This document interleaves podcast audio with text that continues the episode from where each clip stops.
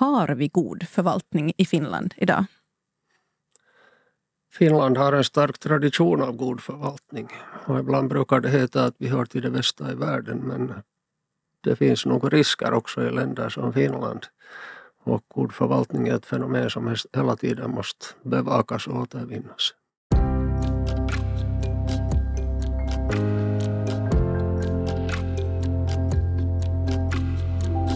Välkommen till Forskarsamtal där vi idag ska tala om aktuella förändringar i det offentliga beslutsfattandet. I studion har vi statsvetare här vid Sossokom, professor Stefan Sjöblom och universitetslektorerna Kanerva Kuokkanen och Sebastian Godenhjelm. Och mitt namn är Jenny Stenberg Sirén.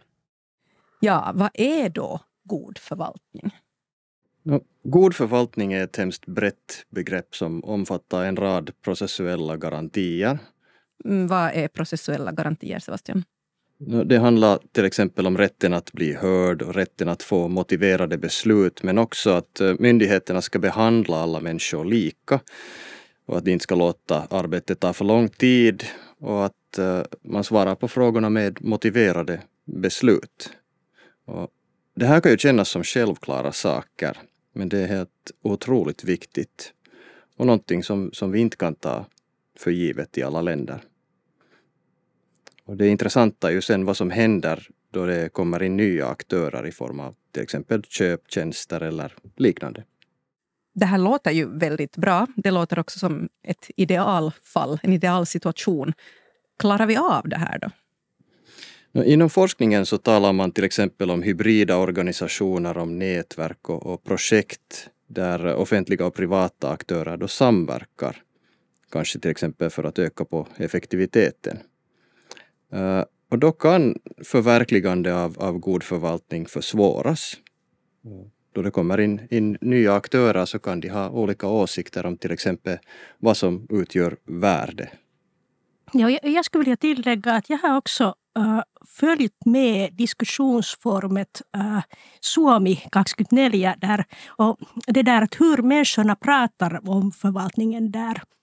Och det finns människor som är väldigt bittra bittra, arga, som tycker att förvaltningen inte alls fungerar.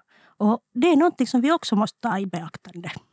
Är det så då? Har de rätt att det inte fungerar eller är det deras upplevelse av? No, det är deras upplevelse men de har också personliga erfarenheter, situationer där de inte kanske har fått en viss service som de i princip skulle ha rätt till. Ofta handlar det om människor som på något sätt hamnar mellan olika eh, service eller, eller, eller sektorer i, i förvaltningen. Och då blir det knepigare. De här upplevelserna är nog hemskt viktiga och det är det som sen påverkar också hurdant förtroende man har för, för myndigheter och, och institutioner överhuvudtaget i samhället och därför men därför har det här med god förvaltning så stor betydelse. När man talar om det på ett internationellt plan så blir det ofta tal om korruption. Det vill säga det som skiljer ut eh, länder med god förvaltning är att, att graden av korruption är låg. Och eh, när man sen talar om risker, vad som liksom kan hota god förvaltning i Finland, så är det kanske inte det här det handlar om i första hand. Utan eh, det är så att säga indirekta effekter till exempel av det om vi är tvungna att skära ner så att det inte finns tillräckligt med personal för att de kan behandla ärenden på ett sådant sätt som god förvaltning kräver. Eller att det blir så stora variationer mellan kommuner eller välfärdsområden att, att eh, vad du får ut av servicen beror på var du bor till exempel. Och det är den här typen av risker som, som eh, också finns i Finland och i de här nordiska systemen och, och som har en stor betydelse sen för hur, hur förvaltningen fungerar i praktik, praktiken. Jag skulle våga påstå att, att vi i Finland nog har många otroligt kompetenta eh, tjänstemän som i regel nog sköter sitt arbete mycket, mycket väl och, och enligt god förvaltning. Men sen uppstår det ytterligare nya problem då våra existerande och nya problem föds som är allt mer komplexa. Och det här blir ju då utmanande att lösa och kanske viktigast, det, det tar tid. En tid som vi inte alltid har.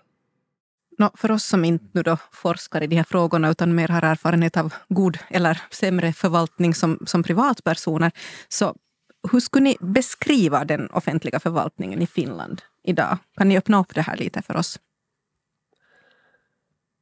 No, det är utmanande att svara kort på den frågan men att om man nu börjar från det historiska perspektivet så kan man kanske först säga att, att, ähm, att samhällsorganiseringen ändå har varit ganska motståndskraftig. Att den här grundläggande modellen, i den har vi en ganska lång kontinuitet. Nämligen det att vi har offentlig finansierad service, att vi har en stor offentlig sektor som gör väldigt mycket. Och att den är politiskt styrd och så vidare bortåt. Äh, den här äh, grundläggande egenskapen har varit ganska bestående trots olika typer av ekonomiska och andra kriser över tid. Över tid. Eh, men sen kommer man ju inte ifrån det som Sebastian också var inne på här lite tidigare, det vill säga att vi har byggt upp en ganska komplext förvaltningssystem. Eh, det senaste tillskottet är ju då SOTE, uh, välfärdsområdena, som innebär en tredje nivå i systemet om vi utgår ifrån att vi då har folkvalda organ på tre nivåer. Och kring det är till exempel mycket oklart ännu, att hur kommer förhållandet mellan mellan till exempel välfärdsområdena och staten att fungera i den ekonomiska styrningen och så vidare. Och eh, den här komplexiteten har ökat på många områden just därför att det finns så många olika sätt att organisera. Det privata kommer in på olika sätt, den tredje sektorn kommer in på olika sätt på olika områden och så vidare. Och det här leder till att eh, förvaltningen inte är någon monolit det vill säga många föreställer sig kanske offentlig förvaltning som en enhetlig struktur. Men I praktiken består den av väldigt många olika typer av, av organisationer och, och, och aktörer som har en betydelse i den dagliga förvaltningsverksamheten. Nu ställer jag en fråga som ni kanske inte vill svara på, men jag ställer den ändå. Tycker ni som experter på det här området att det var bra med en tredje nivå nu då via den här social och hälsovårdsreformen? Eller skulle det ha varit bättre att hålla sig till de två statliga och kommunala nivåerna som då redan fanns från förr? Stefan, vad säger du? No, det som var bra med det här var att man kom vidare, det vill säga att man fick en beslut om reformen. Och med tanke på att vi nu har haft väldigt långa uh, uh, en väldigt lång reformprocess med olika typer av kommunstrukturreformförsök och så vidare bortåt som inte föll riktigt väl ut. Um, så att i den meningen var det bra att vi fick, fick den här saken avgjord. Uh, jag skulle för min del gärna ha sett att, att, att man så att säga skulle ha kunnat lösa hela den regionala nivåns organisering samtidigt. Det vill säga inte, inte, inte bara behandla social och hälsovården men man förstår ju mycket bra att det blev en för stor bit så att säga.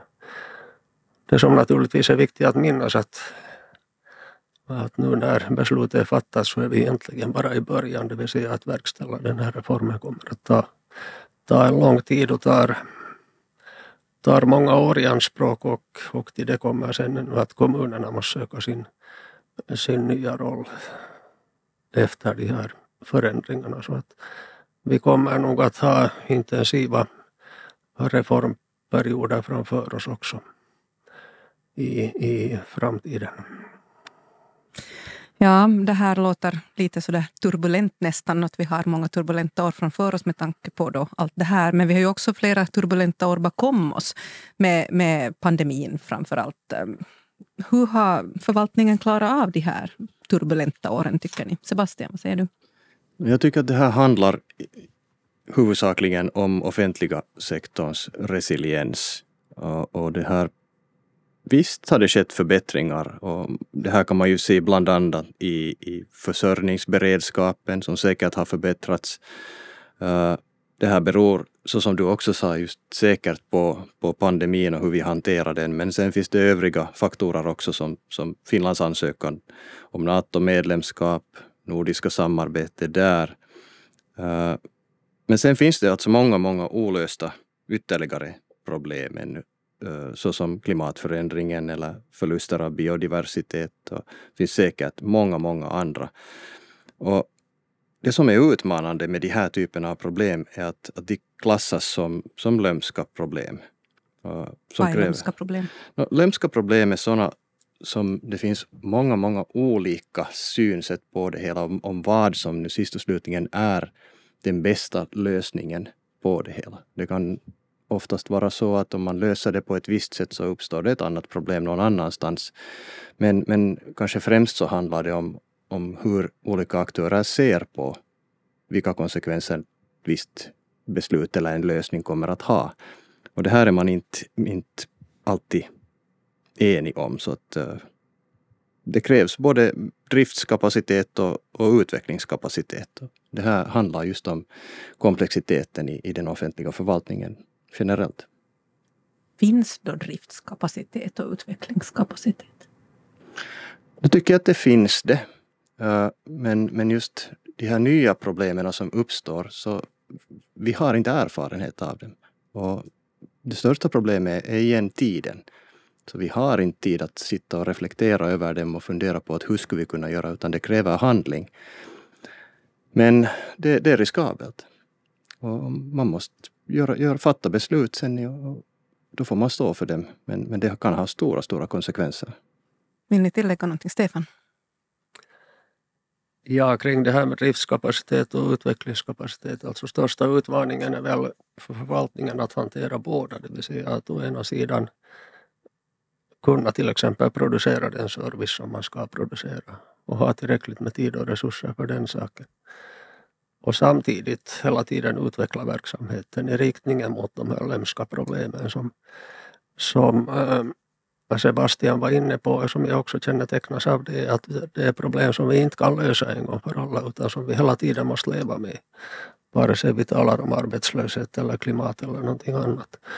Och det betyder också att, att organisationerna är en sån här permanent förändringsläge så att säga. De måste hela tiden anpassa sig, arbeta i riktning mot framtiden och så vidare bortåt. Det här kan också om, om, om resurserna är ansträngda leda till det att, att den här kapaciteten inte finns och det såg vi ju till exempel under de här många kommunreformerna på, på lokal nivå att det också leder till en reformtrötthet och förändringströtthet som, som kan bli en, en risk om resurserna varierar allt för mycket. Så att en av de här stora utmaningarna idag är så att säga att både kunna hantera den här dagliga verksamheten och sen också ha blicken inställd mot, mot framtiden. Ja, framtiden. Vart är vi på väg då? Vilka trender kan vi tänka oss att är på kommande? Kanerva? No, I stort sett så finns det väldigt många sådana där förvaltningstrender som är på gång. Och det där, eh, så till exempel, vi, vi har pratat ganska mycket om samarbete, eh, samverkan, samproduktion. Så det är en väldigt eh, stor och bred trend så att säga och det är någonting som kommer, kommer fortfarande att fortsätta. Men sen har man också sådana där mindre, mindre trender som, som ändå är relaterade och en är det här att man, man har pratat om fenomenbaserad förvaltning. Att man skulle tänka, tänka på fenomen snarare än på förvaltningsstrukturer eller, eller sektorer. Och man skulle lösa samhälleliga problem snarare på basis av, av det där fenomentänkandet. Så det, det, är en sak. Det låter lite som det man gör i grundskolan när man jobbar kring olika teman istället för olika ämnesområden. Ja, det finns såna där, kanske man kan säga att det finns såna där breda samhälleliga trender som också syns i förvaltningen. En annan trend är medborgardeltagande. Där också så är det inte bara förvaltningen där, där den där trenden syns. Så på det sättet har du, har du helt rätt. Fenomenbaserat tänkande låter ju betydligt mer flexibelt på ett sätt än vad man har det idag. Eh, är det så? Eller finns det större risker med att saker i så fall ska falla på något sätt mellan stolarna om man frångår de här strukturerna som finns idag? Kan du öppna upp det här lite mer för oss? No, alltså, uh, det är lite sådär både och. Att om man tänker på den där traditionella förvaltningen så hade man ganska sådana där tydliga sektorer där. Man pratar om silotänkandet. Och där så hade man ju också problem att det fanns saker som inte hörde inte riktigt inne i den där strukturen. Så på det sättet så har, har det här med just fenomentänkandet, så det har varit ett sätt att lösa det där problemet. Men sen förstås så kan det nu sen, sen också finnas risker att, att det finns sen ingen som, som tar, tar ansvar för vissa frågor eller sådär. Fungerar förvaltningen på det här sättet i något annat land? No, det här med nätverk och samproduktion och allt det där, så det är en internationell trend.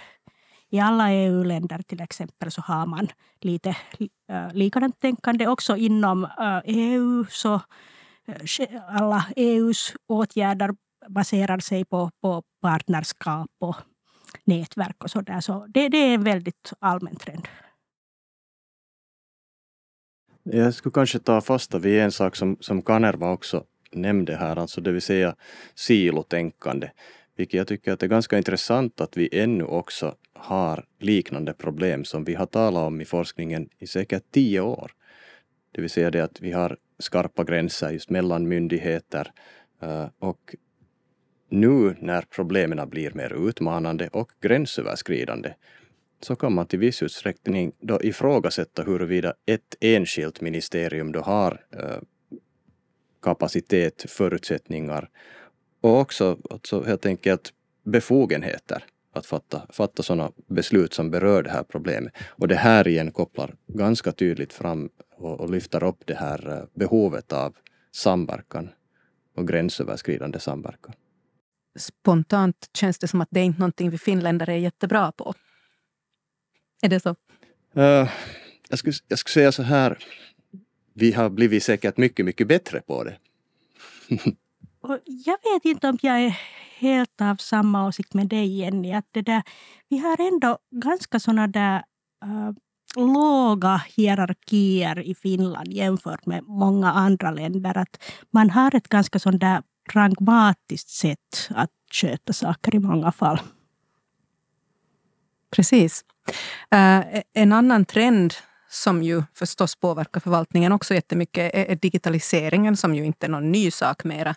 Kan ni berätta lite mer om hur övergången till det digitala har skett och vilka utmaningar och risker det har fört med sig? Stefan? No, där har ju förvaltningen jobbat väldigt länge redan på, att, på, på den här digitaliseringen och, och, och att genomföra den och, och eh, stora projekt har genomförts. Att det är en process som pågår hela tiden. Um, om vi utgår från god förvaltning så är ju en av möjligheterna så är ju digitaliseringen faktiskt en möjlighet alltså utifrån det. De principerna därför att, att, ehm, att Eh, man ska kunna behandla alla på ett entydigt sätt och, och eh, objektivt och, och eh, ha klara beslutsprinciper och så vidare bortåt. Men sen är ju då medaljens baksida den att, att de beslut som fattas i stöd av automatiserat beslutsfattande det är just så bra som den information som finns i systemet. Att, att om, om det fattas ett beslut som berör dig så förutsätter det att det finns liksom all relevant och aktuell information. Och, och det här är, är kanske det som är, är, ett av de stora kraven vid sidan av allt, allt det här med, med datasäkerhet och sekretess och liknande som har diskuterats mycket. Plus att det naturligtvis kräver väldigt mycket resurser att genomföra, genomföra de här förändringarna de här förändringsprocesserna vi nu då ser, varifrån kommer de och vem är det som styr dem? I princip, om man börjar så här formellt, så är det nog regeringen som styr de här förändringsprocesserna och har ett ansvar för dem. Men eh, samtidigt måste man ju säga att väldigt många instanser och nivåer inverkar och påverkar den här förändringarna och, och eh, förvaltningspolitikens utveckling. Eh, mycket handlar om internationella trender. EU naturligtvis men också OECD och andra internationella organisationer beroende på vilket område vi rör oss på. Och sen måste man ju också betona förvaltningens eget ansvar. Det vill säga mycket sker inne i förvaltningen. Och Eh, till exempel senaste år, 2022, så kom det mer än hundra olika utredningar och, och eh, rekommendationer, program, strategier enbart från ministerierna som kan beröra allt från ledarskap till utbildning, till fortbildning, till hur framtidens eh, social och hälsovårdscentraler ska se ut eller hur apoteken ska vara organiserade. Kontentan av det här är att väldigt mycket händer hela tiden i förvaltningen och i förvaltningsmaskineriet. Och det är ett exempel på det här, liksom det här kontinuerliga reformarbetet som hela tiden sker. Och i offentligheten ser vi ju vanligtvis de här stora reformerna som SOTE. Men väldigt mycket går så att säga under offentlighetens radar. Och, och, eh, men sammantaget kan också de här, de här få väldigt stora konsekvenser. Och det som är viktigt i det sammanhanget är naturligtvis att den här politiska styrningen att den inte försvagas. Att, att det finns tillräckligt starka kopplingar mellan riksdagen å ena sidan och sen förvaltningsmaskineriet å den andra. Att, att, eh, därför att grundutgångspunkten är ändå den att det är politiken eh, som ska, ska styra det, det arbete som görs och, och den den, eh, det utvecklingsarbete som genomförs i praktiken. Vilken är då rollfördelningen och maktfördelningen mellan politikerna och tjänstemännen? No, det är klart att det är politi politiken som styr de övergripande linjerna och, och målsättningarna. Till exempel så är ju regeringsprogrammet, om vi ser på, på utvecklingen under de senaste år, årtiondena fått en allt mer styrande effekt. Regeringen slår fast sina målsättningar och ur regeringsprogrammet kan man redan läsa att vilka stora reformpaket kommer under regeringsperioden och så vidare bortåt. Och det här har ju varit en, en, en medveten strävan just för att förstärka den politiska styrningen och, och skapa så att säga en motvikt till förvaltningens stora makt som den har genom, genom sin expertis och sina resurser och så vidare. Men samtidigt är det ju klart att politiken står som sagt för de stora linjerna. Den kan inte ingripa i allt och som jag nämnde här redan tidigare så massor av förändringar och uh, utvecklingsförslag uppstår också i uh, förvaltningen utan att det nödvändigtvis förorsakar allt för stor politisk eller, eller offentlig diskussion. Så att det här balansgången mellan politik å ena sidan och förvaltning å den andra sidan, det är en sån här klassisk problematik där det inte egentligen finns en sån här given lösning utan, utan det handlar hela tiden om att, att balansera mellan de här två. Vilken är då medborgarnas roll i den här processen? Kanerva?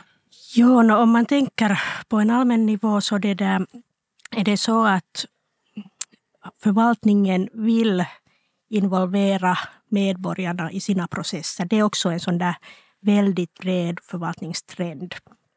Och, um, man har sen inom förvaltningen på olika nivåer så har man sen olika sätt att höra medborgarna. Um, sen kan man fast ha olika slags medborgarråd, kanske på lägre nivåer, inte, inte, inte i stat, statsförvaltningen. Man har nätsidor där man samlar in åsikter och så vidare. Så man försöker mycket. Men med alla de här eh, förvaltningsledda eh, deltagande processer så har man alltid det där problemet att inte det är så att alla eh, medborgarna skulle vilja delta och deltar inte heller. Det brukar vara så att sådana som också annars är samhälleligt aktiva så de deltar också i sådana här processer. Sen en annan sak som jag nämnde i början så finns det samtidigt sådana medborgare som är ytterst missnöjda, bittra och så vidare som inte upplever att, att de blir bemötta. Och det är också en fråga som man måste på något sätt hantera. Hur ska man kunna hantera den frågan? Ja, det är en bra fråga. Uh, en del beror på den här servicestrukturen, att hur den fungerar. Sen också det där att um, ibland så kan det också uh, bero på den där mm, så att säga implementeringen av förvaltningen på, på väldigt uh, lokal nivå, hur den fungerar. Det, det, kan även bero på helt enskilda uh, tjänstemän, att hur de bemöter medborgarna. Om jag får hoppa in här så skulle jag, jag hålla fullständigt med Kanerva uh, och kanske kan tillägga det att i, i dagens läge så förverkligas det en otrolig mängd projekt till exempel eh, där medborgare eller intressenter tas med. Och i, i det här fallet så är det viktigt att de här aktörerna då som tas med eh, inte förblir som statister eller en statistik bara i, i någon sorts projektslutrapport eller, eller liknande. Uh, de måste få sin röst hörd i, i saker och ting som, som gäller dem. Uh, men det jobbiga här är väl det att de här aktörerna måste också ha förutsättningar att kunna fatta upplysta beslut om, om sånt som gäller dem och, och det kan beröra ganska komplexa saker emellanåt. Uh, och det här arbetet faller huvudsakligen på projektledarna. Som man igen kan fråga att, att har de kapacitet då att ge den här nödvändiga informationen till, till aktörerna som är med. Och det här blir jobbigt i, i en tid då beslut måste fattas snabbt och eh, utmanande frågor som, som på något sätt ska lösas. Och den här sortens projekt, kan du ge något exempel på vad det kan handla om?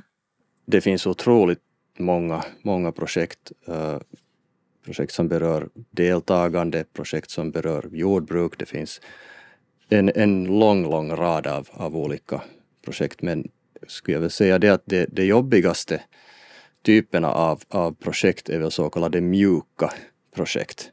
Där var det inte är frågan om en, en, en konkret produkt som, som ett projekt ska leverera, utan det kan vara någonting som att uh, öka på välmående i en viss, på ett visst område uh, som man helt enkelt inte direkt kan, kan mäta effekten av. Det, det är jobbigare. Men man har alltså tusentals offentliga projekt. Och många är EU-finansierade. Och där, där är sen också flera, flera aktörer med. Att det är inte bara, bara den offentliga förvaltningen. Men med offentliga medel så gör, gör man, eller verkställer man en massa projekt nu. Så det är en del av det här samverkan och samarbete som du var inne på tidigare? Delvis nog, ja. Mm. Det är nog sant att väldigt mycket idag som berör så där i konkret mening enskilda medborgare så förverkligas just den här projektvägen. Det har också att göra med att, att det är ett, ett sätt att få tilläggsresurser för sånt som, som den offentliga sektorn kanske inte har möjlighet att finansiera. Det som jag kanske ännu skulle tillägga när det talar om medborgarna, att en aspekt som man, man kanske inte alltid tänker på är nog att hur vi organiserar förvaltningen och beslutsfattande också har en stor betydelse för liksom, hur politiken och deltagande överhuvudtaget fungerar. Och som ett exempel kan man ju fundera på den politiska geografin och hur den kan påverkas av olika reformer. Om man tar digitalisering till exempel. Ehm, de tjänster du kan få den vägen, för det spelar det i princip ingen roll var du bor eller var du befinner dig. Mm, och den typen av förändringar kan sen påverka hur du identifierar dig rent geografiskt och så vidare bortåt. Många reformer som vi har genomfört under de senaste årtiondena så har tendensen varit att vi går mot större distrikt, om man nu talar räddningstjänster eller polistjänster och så vidare bortåt. Gränserna förändras samma sak om vi går mot större kommuner, välfärdsområden och så vidare. Eh, det har också en betydelse på hur vi så att säga geografiskt identifierar oss. Hur vi röstar, hur vi deltar och, och så vidare. Och, och det här är viktigt att komma ihåg eftersom vi är så vana vid att vi röstar i den kommun vi bor och eller i det välfärdsområde vi bor och så vidare. Men men också det här påverkar så det är inga statiska frågor utan det sker, sker hela tiden förändringar. En följd av det här som du nu är inne på med de här större områdena och större enheterna är ju att svenskarna hamnar i kläm på flera håll. Hur ser ni på den frågan? Då det här är ett av, ett av de stora problemen ur vår synvinkel och vi vet hela tiden att, att um, det kräver hemskt mycket bevakning och resurser att, att, att följa, med, följa med de språkliga rättigheterna och, och eh, ett sånt där ständigt arbete som många instanser gör i svensk Finland. Och, och kräver mycket, mycket insatser och det är ju en aspekt av det här med god förvaltning och, och visar också hur utsatt det kan bli. Och um, ett exempel igen är ju nog så att det där, där det här också kommer att bli en, en kamp, den här språkliga aspekten och där det nog absolut borde finnas öronmärkta medel till exempel för de svenska tjänsterna som ju har diskuterats på senare tid och så vidare. Så att äh, hur mycket jag än skulle vilja vara det så är jag nog inte hemskt optimistisk på längre sikt när det gäller eh, de språkliga tjänsterna och de, den språkliga servicen. Utan de är nog hemskt utsatta hela tiden. Det här är ju också en fråga om hur mycket man utlokaliserar tjänster och hur man konkurrensutsätter de här tjänsterna. Så att klart öronmärkta pengar är helt centrala för det hela. Men, men mycket kan man ju också hantera i och med den här konkurrensutsättningen. Ställer man rätta krav vet man att de här kraven finns och uh, hur hanterar då exempelvis privata eller tredje sektorns aktörer det här kravet? Eh, det finns möjligheter också. Eh, men man måste vara medveten om det här och, och se till att det följs upp. Och samtidigt ökar säkert behovet av tjänster på flera olika språk, inte bara finska och svenska det har man kanske mera erfarenhet i de andra nordiska länderna som åtminstone i Sverige som har en mycket större befolkning med, med andra modersmål än enbart svenska. Hur tycker ni att förvaltningen i Finland fungerar i, i en nordisk jämförelse? Jag skulle säga, om jag inleder så här, eh, Finland är det enda nordiska landet där rätten till god förvaltning hör till de grundläggande rättigheterna. Men nu ska vi komma ihåg att det här betyder nog inte att eh, god förvaltning inte skulle förverkligas i de övriga nordiska länderna. Det är bara vi som har det inskrivet i vår grundlag. Eh, däremot så visar studier ganska klart att de, de nordiska länderna placerar sig extremt högt eh, då man mäter eh, nordiska offentliga förvaltningens kvalitet. Så att jag skulle vilja säga att vi har det rätt, rätt bra. Klart att det finns lik, eh, likheter och olikheter mellan de nordiska länderna. Men vad gäller förvaltningens kvalitet så skulle jag säga att vi är nog världstopp. Har Norden någon roll i framtiden då med tanke på världsläget just nu? No, det skulle jag nog säga att det har. Att om man nu tittar på utvecklingen och det har nu forskningen också visar på det här området att, att eh, skillnaderna mellan de nordiska länderna fortfarande är mindre än, än om man jämför till exempel med andra europeiska länder eller länder på andra håll i världen. Att på det sättet så är det fortfarande befogat att tala om en, om en nordisk modell när det gäller beslutsfattandes och den offentliga sektorns utveckling. Trots att det också finns enskilda skillnader sen på olika områden har vi valt olika modeller som till exempel när det gäller att organisera sjukvården och så vidare.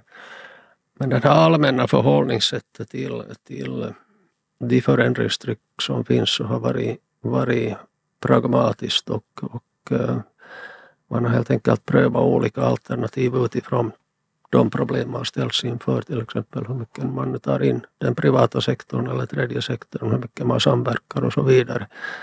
Förhållningssättet har varit, varit i första hand pragmatiskt.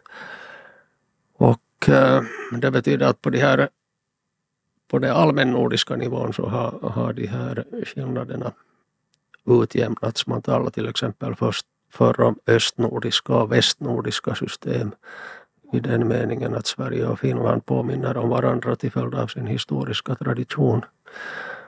Medan, medan de övriga eh, nordiska länderna bildar en egen kategori men numera är det inte motiverat att, att tala om den typen av skillnader utan, utan de här eh, systemskillnaderna har utjämnats kan man säga.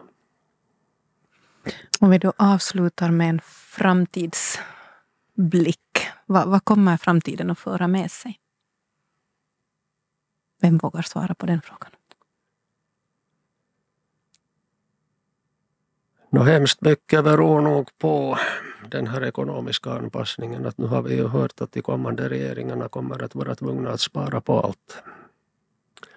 Och eh, som vi nu har varit inne på här tidigare så väldigt mycket gott görs, väldigt mycket händer hela tiden ute i förvaltningen för att man ska kunna tackla alla utmaningar som finns. Men, men äh, man får hoppas att de här ekonomiska begränsningarna inte sätter allt för stora hinder i vägen för, för, eh, för det arbetet. Men, men äh, ett fortsatt utvecklingsarbete, fortsatt intensiv reformtakt under stark ekonomisk press är ju nog det vi, det vi kommer att se också under de här kommande regeringarna.